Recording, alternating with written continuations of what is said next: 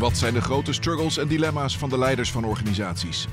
Draait de business om duurzaamheid, purpose en betekenis? Of in de eerste plaats gewoon om winstmaximalisatie en aandeelhoudersbelang? En op welk type leider zit de wereld eigenlijk te wachten? Zij die met een vernieuwende visie vooruitlopen op de troepen en dus soms ook tegen zere benen aanschoppen? Of leiders die politiek bedreven zijn en zich behendig om weerstand en tegenspraak heen manoeuvreren? Welkom en leuk dat je luistert naar de Free Minds podcast van Lunar Institute. De podcast waarbij Jean Moens in gesprek gaat met inspirerende vrijdenkers over leiderschap en organisatieontwikkeling. Te gast vandaag is Jeroen Smit en de aanleiding voor dit gesprek is zijn magistrale en meeslepende werk over de grote strijd van Unilever-topman Paul Polman. Jeroen is bedrijfskundige en voormalig hoogleraar journalistiek en hij doet al 30 jaar onderzoek naar leiderschap in het bedrijfsleven. Van zijn boeken over Ahold en ABN AMRO werden meer dan 350.000 exemplaren verkocht. Ze werden bekroond als managementboek van het jaar en journalistieke boek van het jaar. Jeroen ontving bovendien de Machiavelli-prijs omdat hij de oorzaken van de economische crisis voor een breed publiek toegankelijk wist te maken. Jeroen, vanaf, van harte welkom in onze vierde Free Mind podcast. Dankjewel, Jimmy. Um, jij bent bekend van uh, boeken, onder andere over uh, Ahold, over ABN AMRO. En uh, aanleiding om ook nu jou weer uit te nodigen is het, het boek Het Grote Gevecht over Paul Polman. Maar het gaat eigenlijk over veel meer dan dat. Het gaat over leiderschap. Mm -hmm. uh, en daar doe je al heel lang onderzoek uh, naar. Uh, ja. nou, daar gaan we het vandaag over hebben. Leuk. Heel tof. Um, we gaan je ook vier vragen stellen die we aan iedere gast stellen aan het eind van ons gesprek. normaal gezien onze, is onze gast ook Ignaas de Vis, onze filosoof. Die is helaas ziek. Dus we doen het vandaag even zonder filosofische bespiegeling van hem. Maar volgens mij hebben we uh, uh, stof genoeg om een uh, mooi gesprek op te zetten. Voordat we in het thema leiderschap duiken en het grote gevecht, zou ik graag, die vraag heb ik je al heel lang willen stellen.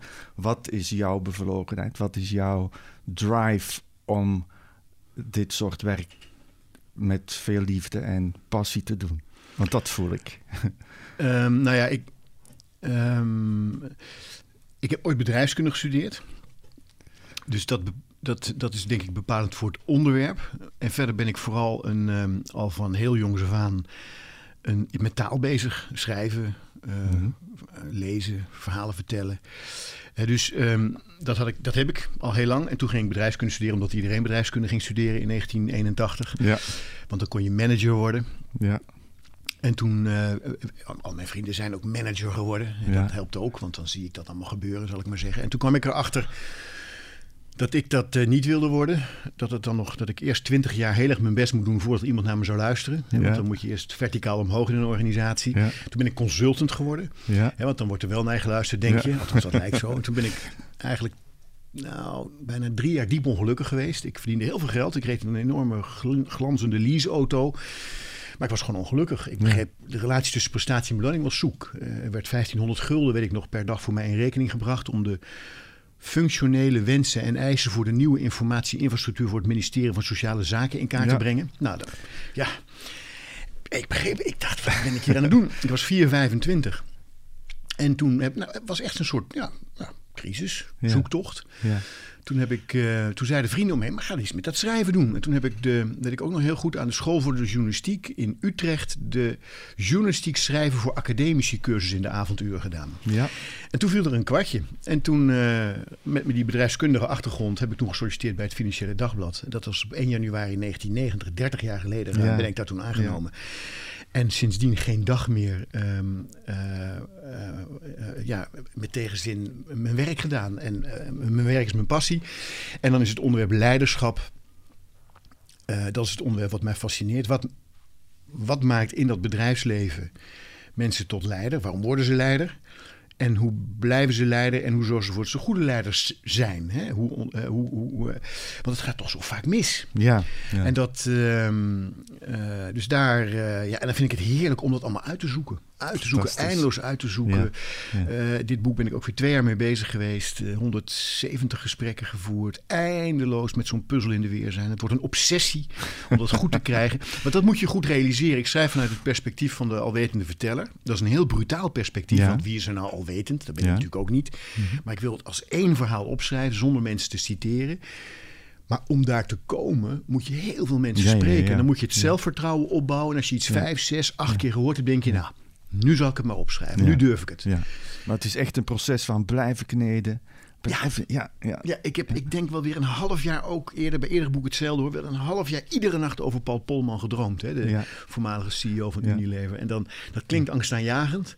Maar dat heeft echt te maken met die, met die diepe wens om het te, om het te begrijpen. Of om het, ja, om het te kunnen reconstrueren. Ja, ja. Dat is mooi, hoe, hoe je dat proces ook als een... Uh, ik, ik ervaar het, terwijl je het zegt, als een heel gedreven doorworsteling uh, om iets heel moois te maken. Zo nou voelt het van mij. Ja, nou... Ja. Ik, mijn omgeving wordt er dan af en toe wel eens mies van. Want die ja. jeetje mina, kan het eens een keer over iets anders gaan? Ja. Kan je zoiets bij voorstellen. Maar um, ja, ik, dat is dan, ik wil dat dan gewoon begrijpen. En met respect ook voor een...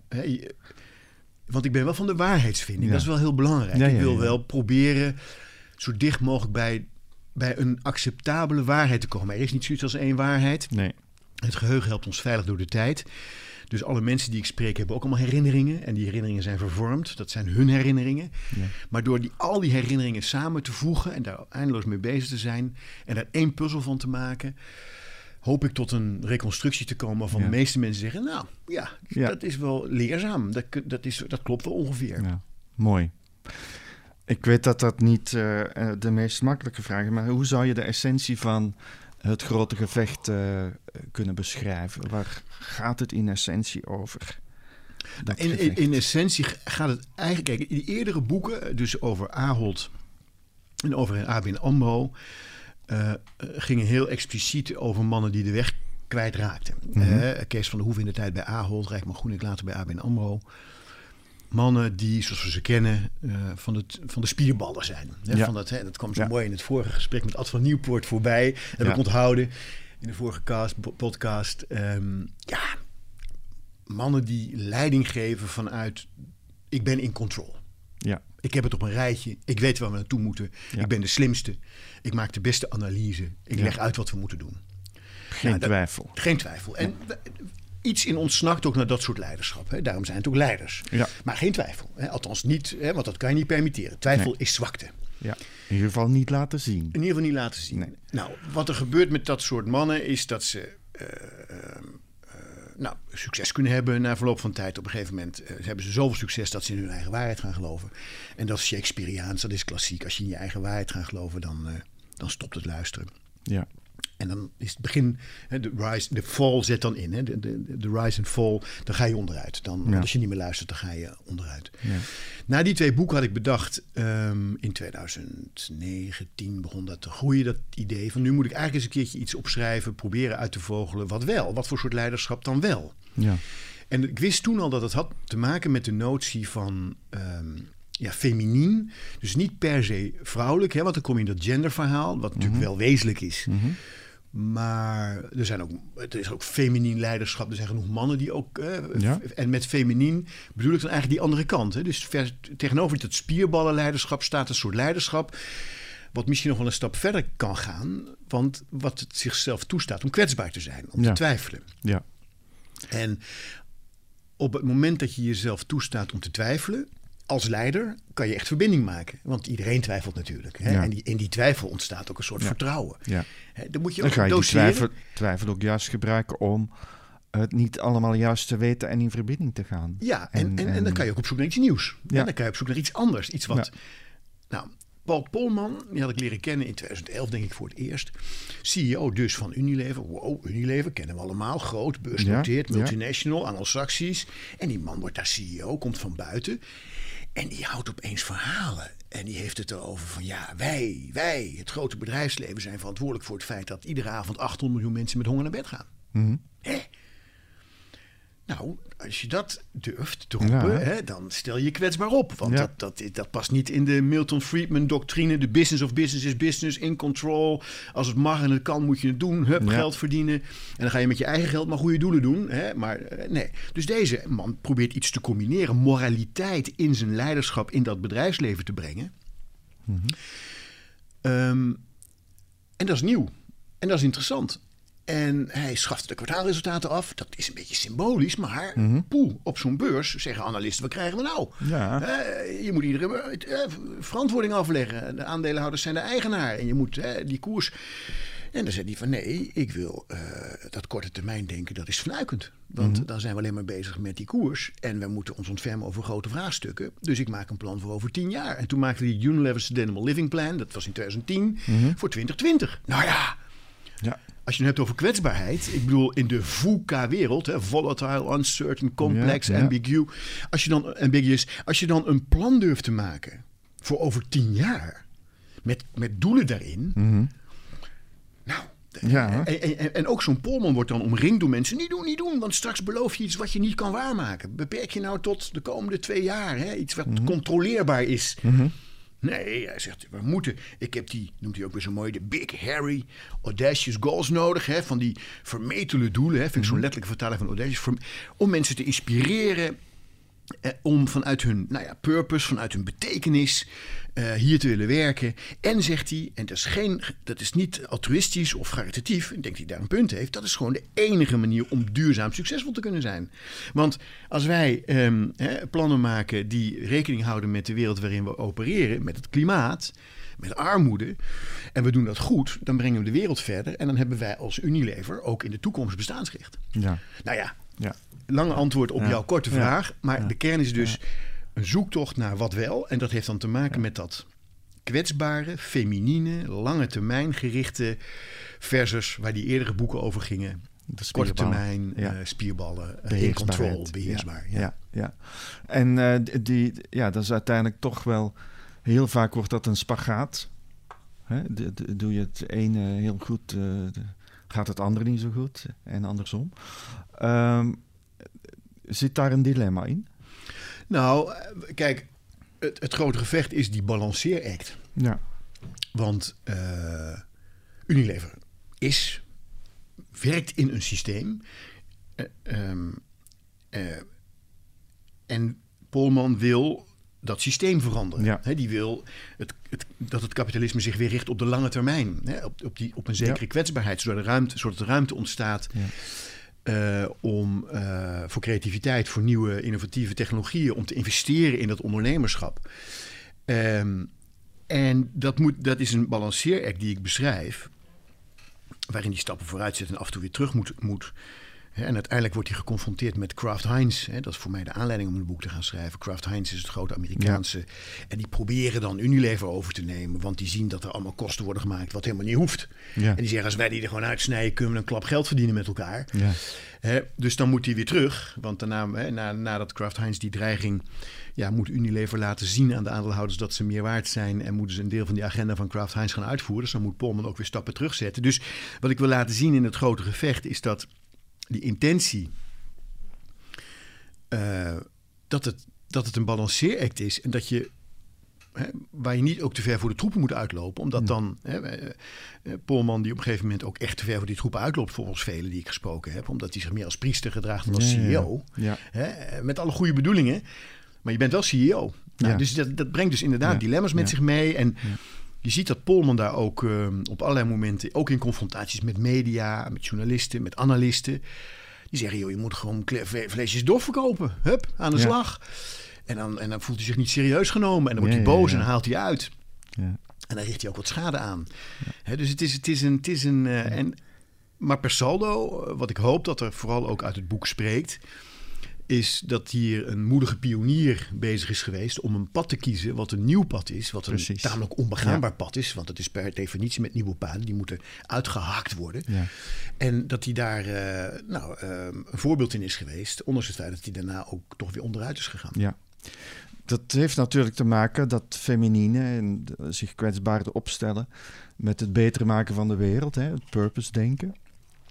Eh, hij had daarin een heel mooi voorbeeld, hè, een van de oprichters van eh, Lever Brothers. Ja, William Lever. Ja, eh, wil dat zeggen dat dat purpose denken eigenlijk niet zo nieuw is als we allemaal denken? Dat dat meer dan 100 jaar geleden ook bestond? Ja, ik denk het wel. Ik denk, we hebben meer voorbeelden. We hebben natuurlijk Philips in Nederland. We hebben Jacques, uh, Jacques van Marken, de oprichter van uh, Gis Brocades, die in, in Delft het Agneta Park heeft gebouwd. Agneta Park zijn huisjes voor werknemers. Dat heeft hij geloof ik in 18, even uit mijn hoofd, 1887 of zo gebouwd. William Lever bouwde in diezelfde tijd Port Sunlight. Um, maar dat waren ondernemers mhm. die niet aan de beurs genoteerd waren. Ja. Familiebedrijven eigenlijk. Mm die uh, op een heel fundamenteel niveau om zich heen keken en allerlei uh, ellende zagen. In het geval van William Lever, ik geloof dat in die tijd één op de vijf kinderen uh, de, niet, geen vijf jaar oud werd vanwege hygiënische omstandigheden. Ja. En die vond het zijn taak, zijn plicht als welvarende, succesvolle ondernemer om daar iets voor te doen. Mhm. En ook voor de mensen die voor hem werkten. Daar staat ook wel iets paternalistisch in trouwens. Ja. Want in dat dorp hadden ze geen café. Hè, want uh, er is eigenlijk wel echt een. Uh, er zat een soort strengheid in. Um, die, um, maar William Lever eh, is interessant. Ja, ergens in quote ik hem ook. Uh, ik kwam allerlei oude documenten tegen. Dat is mooi. Zegt hij van als ik goud aan mijn zeep toe zou moeten voegen om het nog helzamer te maken, dan zou ik dat zou doen. doen hè? Dat is een mooi symbolisch natuurlijk, maar hè, dan, dan, leg ik erop toe. Maar uiteindelijk is dat waarom ik hier ben. ik heb een taak, dat ondernemerschap, dat, is, dat, dat moet ten dienste staan van de samenleving die mij voortbrengt. Hè? En die mij accepteert en die mij draagt. Ja, en, en Polman die wordt daar enorm door geraakt. Hè? Die, In die eerste drie maanden dan loopt hij een soort stage. Hij wordt dan per 1 januari 2009 benoemd. En de drie maanden daarvoor ja. Dan heeft hij al een aanstelling vanaf oktober. En dan leest hij zich helemaal suf over Unilever. Er zijn heel veel dikke boeken geschreven over Unilever en over die geschiedenis. En dan wordt hij helemaal geraakt door William Lever. En dan identificeert hij zich er ook op een bepaalde manier mee. Hè? Maar er is één handicap. Wat ik net al zei. Ja, dat beursgenoteerd zijn. Unilever is niet van hem. Nee. Het is van de aandeelhouders. En dat brengt dus die balanceeract met zich mee. Dat uh, gedreven zijn door de wereld beter maken, het goede doen. Uh, zie je dat, is dat iets typisch voor commerciële organisaties of zie je dat ook in uh, andere organisaties? En zie je daar eigenlijk diezelfde dilemma's of spagaat ontstaan? Ja, kijk, kijk wat, wat ik vaak natuurlijk mensen zeggen van, wacht nou eventjes. Bedrijven moeten geld verdienen. En die moeten de ruimte krijgen om geld te verdienen. Overheden zijn verantwoordelijk voor wetgeving die de wereld beter moeten mm. maken. Hè? Die zijn verantwoordelijk voor het verdeelvraagstuk. Hè? Belasting heffen, zorg, onderwijs regelen. Nou, dat is de klassieke reactie. Hè? Dat, ik noemde hem al even Milton Friedman, die zegt dat ook. Hij zegt ja, als, uh, als jij als ondernemer in Brazilië dat hele oerwoud daar plat mag branden of om mag hakken en je kan er een zak geld mee verdienen. Mhm. En je voelt en je bent ondernemer, dan moet je dat doen. Ja. Dan moet je dat doen, want anders ja. doet iemand anders het. Ja. En weet je, als jij je dan zorgen maakt over het klimaat en je denkt dat bomen belangrijk zijn voor het klimaat, dan moet je met je privégeld, wat je dan hebt verdiend, ja. lekker bomen gaan planten. Maar dat mhm. is zoals het werkt in de wereld. Ja. En als die bevolking niet wil dat dat bos wordt omgehakt, dan, uh, dan moeten ze een regering kiezen die dat verbiedt. Ja. Nou, en dit is nou het probleem, zegt Polman. Want in de tijd van Milton Friedman, eind jaren 60, begin jaren 70, kon je dat misschien nog denken. Maar nu wordt langzaam maar zeker duidelijk. Hè? Nou, dat was toen trouwens ook al een beetje duidelijk. Maar dat het over grote vraagstukken van de planeet gaan, klimaat. Hij zegt.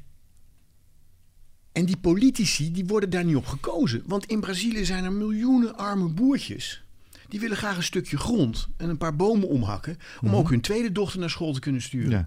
En die kiezen dus iemand, die stemmen op iemand die zegt: Nou, daar wil ik best ruimte voor maken. Ja, ja, Welvaart. En dat is in Indonesië niet anders. Nee. En dat is in India niet anders. En dus daar, wij kunnen het wel over duurzaamheid hebben en over de longen van de aarde en belangrijk. Maar daar is het gewoon armoede. En wat kan ik doen om die armoede wat te verminderen? Ja. Nou, zegt Polman. Dus als we nou constateren dat politici met een met een, met, een, met een horizon van vier jaar, want dan moeten ze weer gekozen worden. Met een horizon van landsgrenzen, want alles wat er buiten die landsgrenzen zit, daar zitten geen kiezers. Als die nou niet het grote mondiale vraagstuk gaan oplossen, armrijk, klimaat, noem maar op. Wie dan wel? Hij zegt, nou dan moeten multinationale organisaties dat doen, hè, per definitie. En dan zie je bijvoorbeeld de Verenigde Naties hè, met de Sustainable Development Goals. Hè, die hebben ze opgesteld in 2015, de opvolgers van de Millennium Goals. NGO's, ja. die werken ook over landsgrenzen heen. Oxfam Novib, Greenpeace, noem ze allemaal maar op. En multinationals. Unilever zit in 190 landen. Mhm. dus hij zegt dat grote vraagstuk moet dus door multinationale organisaties, waaronder Unilever, die hebben daar een verantwoordelijkheid in. Ja, ik vind dat redelijk logisch wat hij dan stelt. En dat brengt wel allerlei problemen met zich mee. Want dan zeggen mensen, maar wacht nou eventjes, dan gaan we dus de toekomst van, van de wereld is dan niet democratisch gecontroleerd. Ja, want ja, Pompon wordt niet gekozen. Nee. Althans, niet door uh, een bevolking. Of, uh, die, nee, nee, nou, daar zit, daar zit natuurlijk ook wel een dilemma in. Maar wat, je, wat ik eigenlijk een beetje hoop wat er gebeurt, uh, Champy, is dat wat je nu in Europa ziet gebeuren. Hè, um, eigenlijk al jarenlang constateren politici dat als het gaat over duurzaamheid, dat dit soort grote bedrijven in hun denken daar verder in zijn dan politici. Mm -hmm. we leven hier, hier in Nederland is het zo dat de overheid tot de orde moet worden geroepen door een rechter. Van nu moeten jullie met het Parijs-Klimaatakkoord aan de slag. ook hier, het is hier niet anders hoor. Nee, Politie vinden het hier ook lastig. Er moet gewoon een rechter aan te pas komen. Maar ik, waar ik dan opgewekt over ben, is die Ursula von der Leyen, Frans Timmermans, die nu langzaam maar zeker met de Europese Green Deal uh, een horizon van tien jaar pakken en zeggen: hé, hey, misschien moeten we, en dat is politiek. Ja, ja, ja. Hè, en dan kan je ook wel even vragen: hoe democratisch zijn die nog gekozen en zo. Nou, dat kan je ook wel. Maar wat ik interessant vind, is van misschien moeten we niet te veel meer bezig zijn met wat Amerika doet, America first toch? Mhm. Of wat China doet, want dat is ook China first. Maar gewoon zeggen in Europa, een half miljard consumenten. Misschien moeten wij maar gewoon eens beginnen met wetgeving over de, de werkelijke kosten van CO2-uitstoot. En, uh, hè, ja. en dus dan ontstaat er toch een soort van ook politiek draagvlak voor dit gedachtegoed. Ook weer multinationaal, hè, want Europa ja. met, uh, met uh, 27 lidstaten. Ja. Ja. ja. Dus ik, uh, ja, misschien dat ook dit gedrag van dit bedrijfsleven, Polman is niet alleen, in Nederland hebben we bijvoorbeeld nog DSM, maar ook Philips is er druk mee bezig. Dat dat, dat, dat ook politici in ieder geval mobiliseren. Precies, Want je hebt ze wel nodig. Ja. Ik zit me wel eens af te vragen van uh, heel veel van de systemen die we kennen. Uh, gezondheidszorg, onderwijs, hè, om, om er twee te noemen. Uh, zijn die nu echt al purpose-driven? Ja, ze zeggen vaak van wel. Maar hoe kijk jij daarnaar? want ja. in mijn ogen zitten we daar toch nog veel op oude systemen te werken. Van beheersbaarheid, controle. En... Ja, ik heb hier niet zo heel veel verstand van. Mhm. Maar wel, kijk, wat ik. Ik ben opgegroeid in een onderwijsgezin. Mm Mijn ouders zijn allebei uh, uh, leraar. Mijn vader onderwijskundige, lerares, mijn moeder. Ja. Um, en in de jaren zeventig uh, was dat zeg maar goed. Hè? Mhm. Dus onderwijs, zorg. En als je de economie inging, het bedrijfsleven ging, dan moet ik nu even aan denken. Ik herinner me dat ik lang geleden, toen ik twaalf was, aan mijn vader vroeg waarom wij niet in een Mercedes reden, zoals de vader van Karel.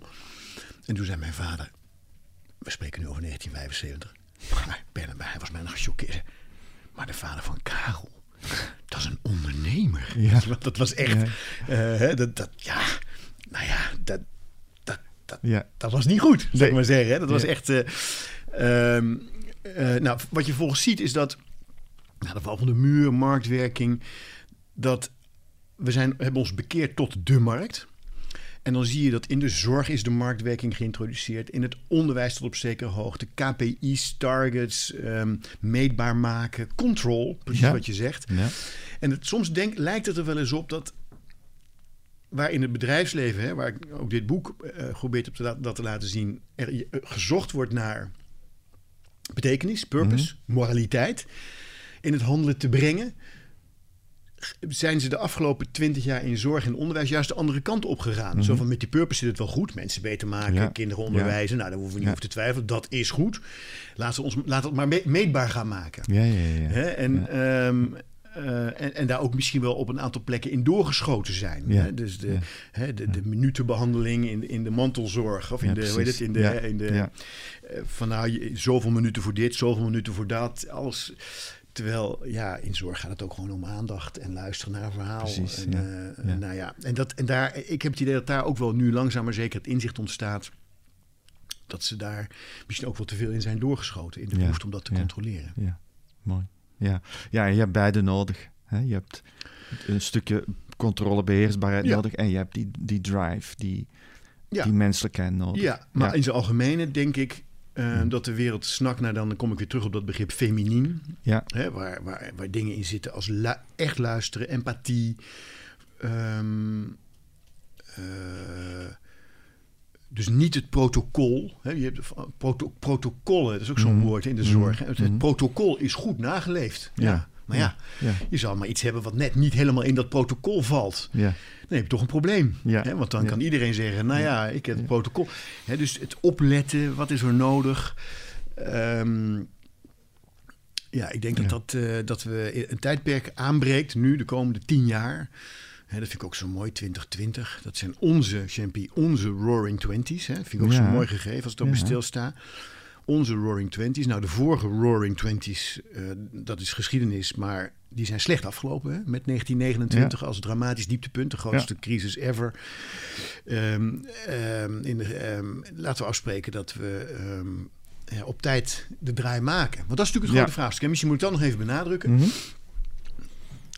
Ik denk dat, er, dat we er allemaal nu al van doordrongen zijn, om even als klimaat als voorbeeld te nemen, dat we met een probleem zitten. En dat die aarde anderhalf, twee, drie, vier graden warmer wordt. Weten niet precies, maar Mhm. nou ja, hij wordt Ja. warmer. Dat heeft allerlei consequenties. Nou, zegt de Verenigde Naties, als hij 3,5 of ja, 3,5 graden warmer wordt, dan staan er in 2040 een half miljard mensen hier op de stoep, omdat het elders te warm, te nat, te droog is. Mhm. Om, eh, nou, je kan twee dingen doen met dat besef, met die wetenschap. Je kan zeggen, en dat is de normale houding van veel mensen, helaas nog steeds. We'll cross that bridge when we get there. Ja, Ja, ja, geen paniek. ja, Ja. we zien het wel. Ja. Ja. als het zover is, ook een beetje Amerikaans. Je hebt in Nederland heb je ingenieurs eh, met zo'n mooie uitdrukking. Die, die, bidden, die, die bidden tot God en vragen om hun dagelijks brood. En af en toe een watersnood. Nou, de watersnoodramp is van 53. In de jaren daarvoor wa- waren er heel veel zorgen over de dijken in Zeeland. Mhm. Maar pas nadat er, ik geloof, 1600 mensen waren verdronken. Hè, daarna Ja, waren er miljarden voor de delta werken. Hè, dus eh, dan kunnen we aan de slag. Dus dan hebben we dus een ramp nodig om aan de slag te gaan. Nou, Polman en velen, inmiddels een groeiende... Zeggen van, wacht nou eventjes, we zien dit op ons afkomen. De Mhm. kosten van nu ingrijpen liggen een stuk Mhm. later, lager dan wachten tot het misgaat. Laten we nu aan de slag gaan. Mhm. Nou, ik weet het niet. Maar laten wij afspreken, hè, 2020, 2030... We hebben tien jaar Ja. om het tijd te keren. Hè, om het voor te zijn. Dat Ja. is op zijn minst een poging waard. Ja. Hè, toch? ja zeker. Ja. Even de eigenschappen van eh, goede leiders. Daar wil ik eh, even met je op doorgaan. De, de kracht en de mankels. Je hebt heel veel leiders bestudeerd in hun gedrag. Eh, in je boek schrijf je ook dat Paul Polman eh, op een bepaald moment zegt van een goed leider moet in eerste instantie een goed mens zijn. Kan je iets zeggen over eh, de, de, de kracht van goede leiders? Ja. Wat maakt hun eigenlijk zo goed? Nou, En ook over de manco's. nou ja, Manks hebben we het een beetje over gehad. Ja, Hè, dat op een gegeven moment ja. het succes maakt dat je ehm, Niet meer luistert. niet meer luistert. Dat is heel menselijk ook. Mhm. En ook heel moeilijk om, eh, om eh, met beide benen op de grond te blijven Ja. staan. En ook geen, ja, inderdaad geen tegenstand meer Nee, dulden. en je hebt ook de neiging, toch hoe je het ook went of keert, om mensen om je heen te verzamelen die, die je verstaan. Ja, Het is heel moeilijk om de ander naast je uit te nodigen. Misschien is dat nog wel het grootste manco Ja. dan. Hè? Dat je, en dan moet je ook bij geholpen worden eigenlijk door, door je omgeving. Van nodig nou die ander naast je uit. Gewoon iemand die een andere taal spreekt. Ja. Die, niet, die een andere kleur mooi vindt. Weet je wel. Want dat is gedoe. Natuurlijk is het gedoe. En dan krijg je discussie en misschien wel geruzie. Mhm. Maar daardoor blijf je wel met beide benen op de grond. ja. Als het gaat over Polman en een goed mens, dat is waar. In de jaren negentig eh, eh, en in mijn reconstructie, dat is gewoon volgtijdelijk, hangt dat ook samen met het overlijden van zijn vader, die Ja. eigenlijk te jong komt te overlijden. Maar die een grote indruk op Paul Polman altijd heeft gemaakt. Als iemand die eh, nou, hard werkte, twee banen had, maar ook vrijwilligerswerk deed, in de kerk actief. Mhm. En eigenlijk een soort onderscheid maakte eh, tussen hele mensen en halve mensen. Dat klinkt een beetje ernstig. Ja. Nou, Ja. ergens is het ook wel. Ja. Maar wat daarmee bedoeld wordt is... ehm, ben je rijk ten koste van de ander of rijk ten bate van de ander? Ja. Nou, dat klinkt ook weer zwaar, maar hè, het klinkt Ja. bijna als een dominee. Maar ja, daar zit wel iets in. Hè? Eh, En, en, en, en Paul Polman, in heel veel interviews eh, vertelt hij daar ook over, is er, en dat denk ik, begrijp ik ook meteen, ten diepste van overtuigd, dat je, eh, dat je dus naar, ernaar zou moeten streven om een heel mens te zijn. Ja. Omdat je alleen dan een bijdrage levert en betekenis hebt. Mhm. En ook voor jezelf. Hè, dat is ook gewoon ook, ook opnieuw weer voor jezelf, eh, eh, ja, tot geluk leidt, hè, tot, tot tevredenheid in ieder geval. ja, hè, ja. Van, ehm, als je er alleen maar voor jezelf bent, rijk ten koste van de ander. Ja. ja. Wat in de wereld van control heel. Uh, hè, wordt altijd die scheiding aangebracht, waar we het al een paar keer over hebben gehad. Van nou ja, je ja. pakken wat je pakken kan als het mag. En vervolgens ga je je geweten sussen door uh, ja. elders bomen te planten of uh, wat extra's aan het Rode Kruis te geven, wij van spreken. Hè. Zo los je dat dan op. Maar dan heb je een soort gespleten integriteit. Hè? Je hebt de persoonlijke integriteit en je professionele integriteit. en professionele dat, integriteit zegt van nou, het mag, het kan, ik doe het. Vorige week was Tim Cook in Ierland. Vind ik mooi. Tim Cook is de baas van Apple.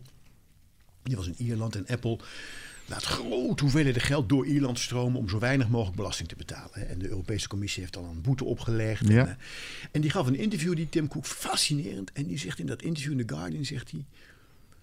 We desperately need a fair tax system. ja, mooi, hè? Ja, schitterend. En dan, en dan lees je dat en denk je, ja. En dat vindt hij ook echt, hè? Vindt hij ook echt. De mens Tim Cook, de, de, hè, de, de, in zijn persoonlijke integriteit. Maar ja, zolang het er niet is...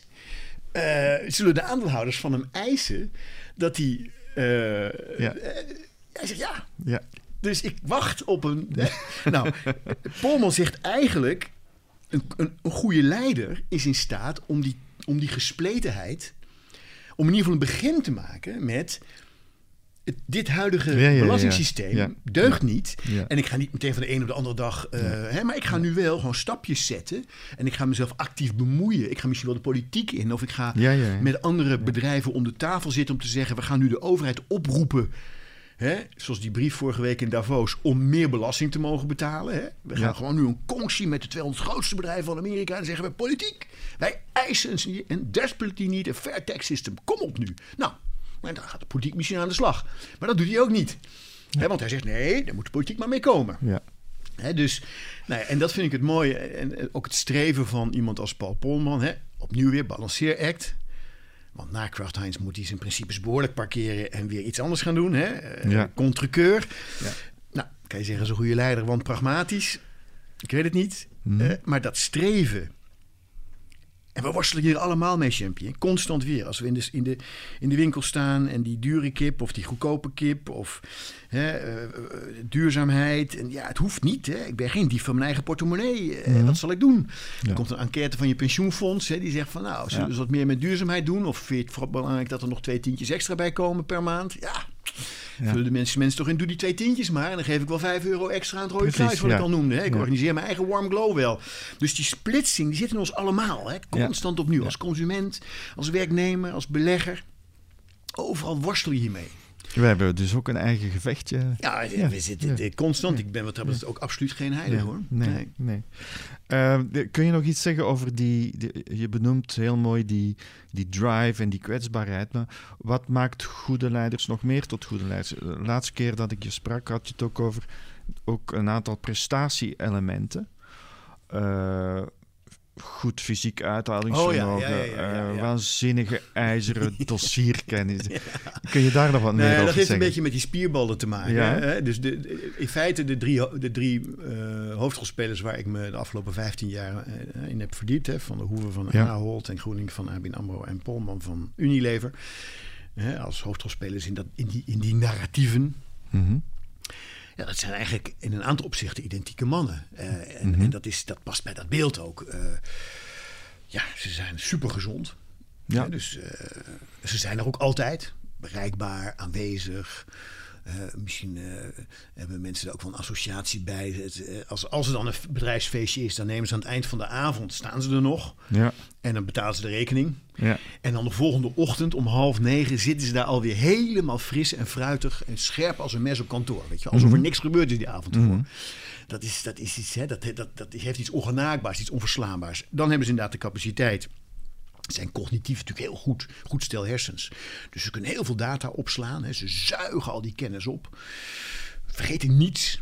En als er dan een discussie is over, uh, nou, zullen we product A in Turkije lanceren, mm -hmm. noem even wat, dan zitten ze aan zo'n tafel. En dan, weet, en dan, weten ze precies, ja, want de werkloosheid in Turkije is dit en de inflatie in uh, Griekenland is dat. Mm -hmm. En uh, hup, hup, hup, snelle, snelle denkers ook, ja, ja. En dan maken ze ja. de beste analyse. Ja. En dus fysiek sterk, enorme data kracht om data te verzamelen, niks te vergeten en dan ook nog hele snelle analyses te maken. Nou, als dan de vraag op tafel ligt: oké, okay, tja, nou, wie zullen we vragen om het te gaan doen? Nou, dat is ook wel duidelijk. Ja, wie, dan, ja, eh, wie dan de eerste viool krijgt. Dus, en dat maken ze in hun leven gewoon ja, tientallen jaren achter elkaar mee. En daar, daardoor stijgen ze. En dat is natuurlijk weer dat. Maar dat is wel dat. Wat mij betreft ook die. Ook mijn eigen bedrijfskundeopleiding herken ik daarin. Mhm. Hè, dat is een. een, een, een- dat, dat, dat, ik gebruik weer nog een keer dat woordje spierballen. Mhm. In control, kennis. eh, de ander verslaan in die kennis. Precies. En er zit ook iets in van hoe meer je die spierballen traint, hoe steviger Absoluut. Ja, maar ja, Rijk ja. maar groen, ik zei het letterlijk. eh, eh, in het gevecht komt het beste in mensen naar boven. Ja. Hè, dus de, maar we hebben ook van die uitdrukking, hè, zonder wrijving geen glans. Hè, dus er zit ook, en er zit, ik wil het ook niet helemaal zwart-wit stellen. Er zit Nee. ook een, hè, een, een discipline en een. maar tegelijkertijd, en dat is dan die oproep eh, impliciet in dit verhaal, dat laatste verhaal, dat feminine, dat is wat we nu nodig hebben. Want Ja. er zijn grote vraagstukken die oncontroleerbaar zijn. Mhm. Maar je, kan, je kan wel net doen, maar, hè, m- maar als je als verantwoordelijk leider over die toekomst wil ontfermen, moet je dat ook aandurven. Precies. Moet je lange termijn doelen durven stellen, Ja. met onzekere uitkomsten, eh, maar gewoon eh, ehm, eh, ja, dat durven, Ja. hè, die moed hebben. Ja. In die transformatie naar een nieuwe economische realiteit die meer purpose-driven is, eh, om dat te laten lukken, wat, wat, wat is daarvoor nodig? Wat kunnen we daar als leiders of als managers, wat kunnen we daar, wat hebben we nodig om die om dat te versnellen of om dat echt door te zetten? Nou, het, het, het cynische antwoord is natuurlijk een crisis. Ja. Hè, want eh, Ja. als de boel overstroomt, gaan we deltawerken bouwen. Precies, dan ja. is het, dan is het eh, geregeld, zal ik maar zeggen. Hè. Dan heb je de. Ehm, maar om de crisis, de echte crisis te voorkomen, wat in ieder geval zal helpen, is ehm, goede informatie, transparantie over wat er in de wereld aan de hand is. Mhm. Zoals er nu langzaam maar zeker een consensus aan het ontstaan is over het klimaatvraagstuk. Er zijn bijna geen mensen meer die daarover twijfelen. Dat was vijf jaar geleden nog anders, tien jaar geleden nog anders. ja. Maar inmiddels twijfelt bijna niemand daar meer aan. Dus dat helpt. Dus dat betekent dat er al een soort.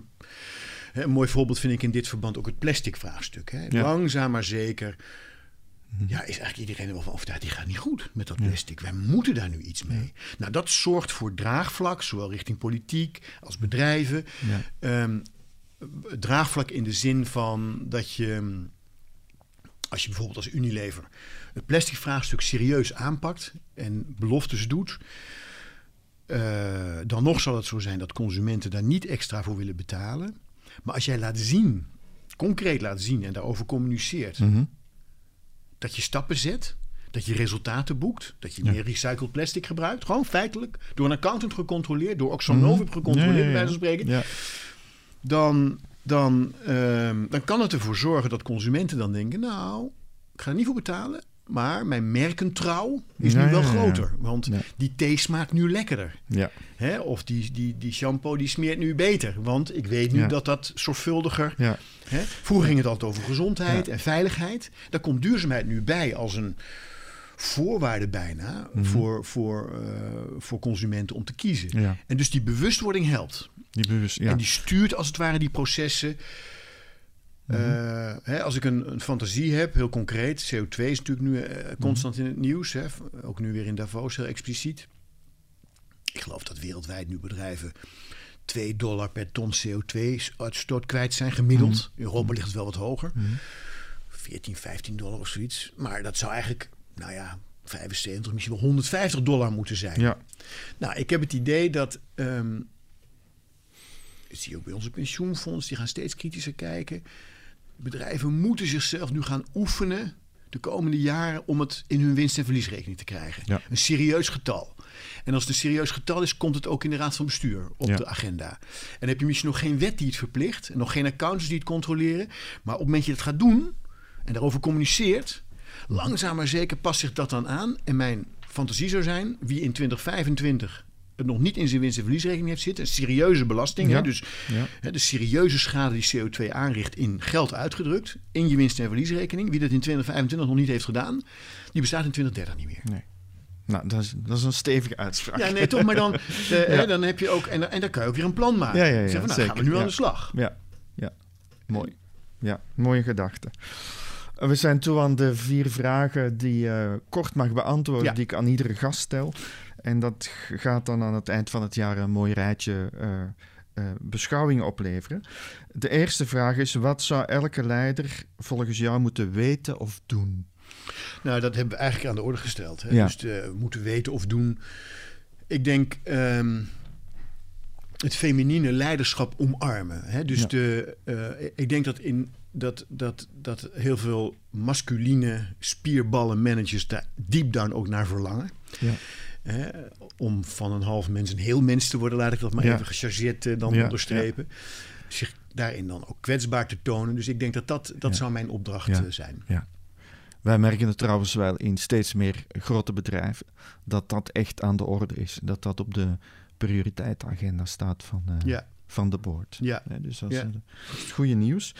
Um, wij willen als Lunar een community van vrijdenkers zijn, free minds. Ja. Uh, welke eigenschap, en je mag er maar één noemen, of talent, vind jij van het allergrootste belang voor een vrije denker? Ja, echt luisteren. Ja, dus niet luisteren, maar echt luisteren. Ik mhm. onderstreep het woordje echt, omdat ehm, dat is ontzettend moeilijk. Ja. de, veel van de leiders in mijn boeken, uh, op mensen succesvol worden, stoppen met luisteren. En dan komt er een coach die legt ze uit dat ze moeten gaan luisteren.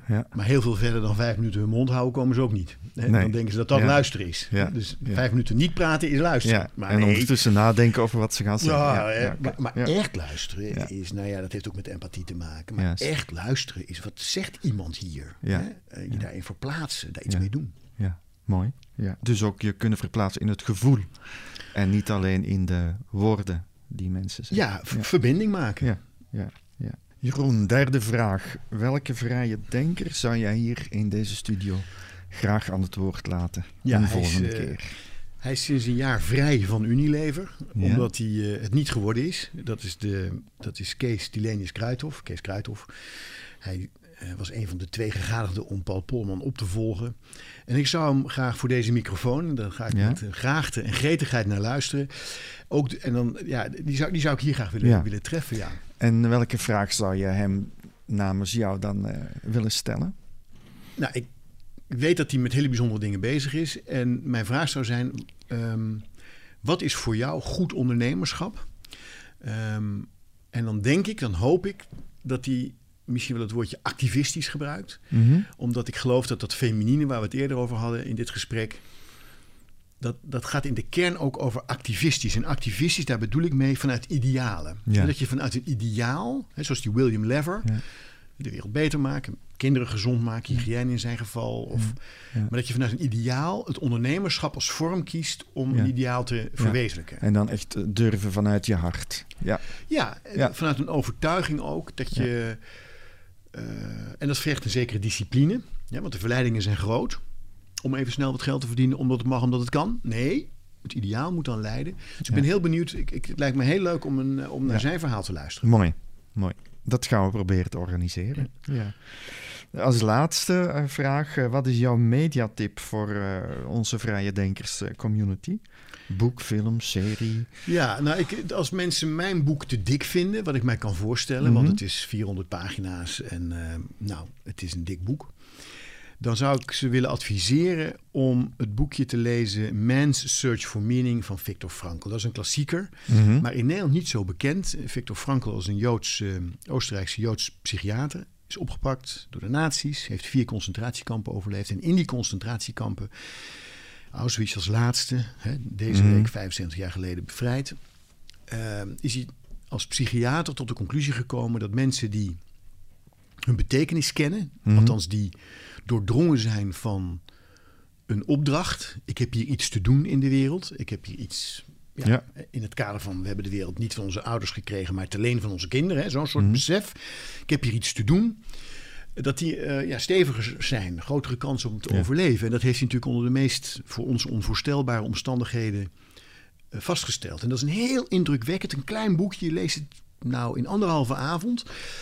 En daar staat eigenlijk in eh, waar we behoefte aan hebben, waar dit gesprek ook over ging. Ja, mooi. Zoek je betekenis. Top. Dankjewel, Jeroen. Graag gedaan, Chimpy. Ja, top. Vanuit onze vertrouwde studio in Vondel CS in Amsterdam was dit de vierde Free Minds podcast van Lunar Institute.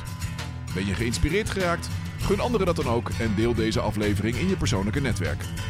Blijf zelf geïnspireerd door je op deze podcastreeks te abonneren. En kom je graag in contact met andere vrije denkers?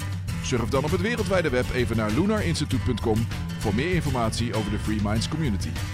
Bedankt voor het luisteren en tot de volgende maand.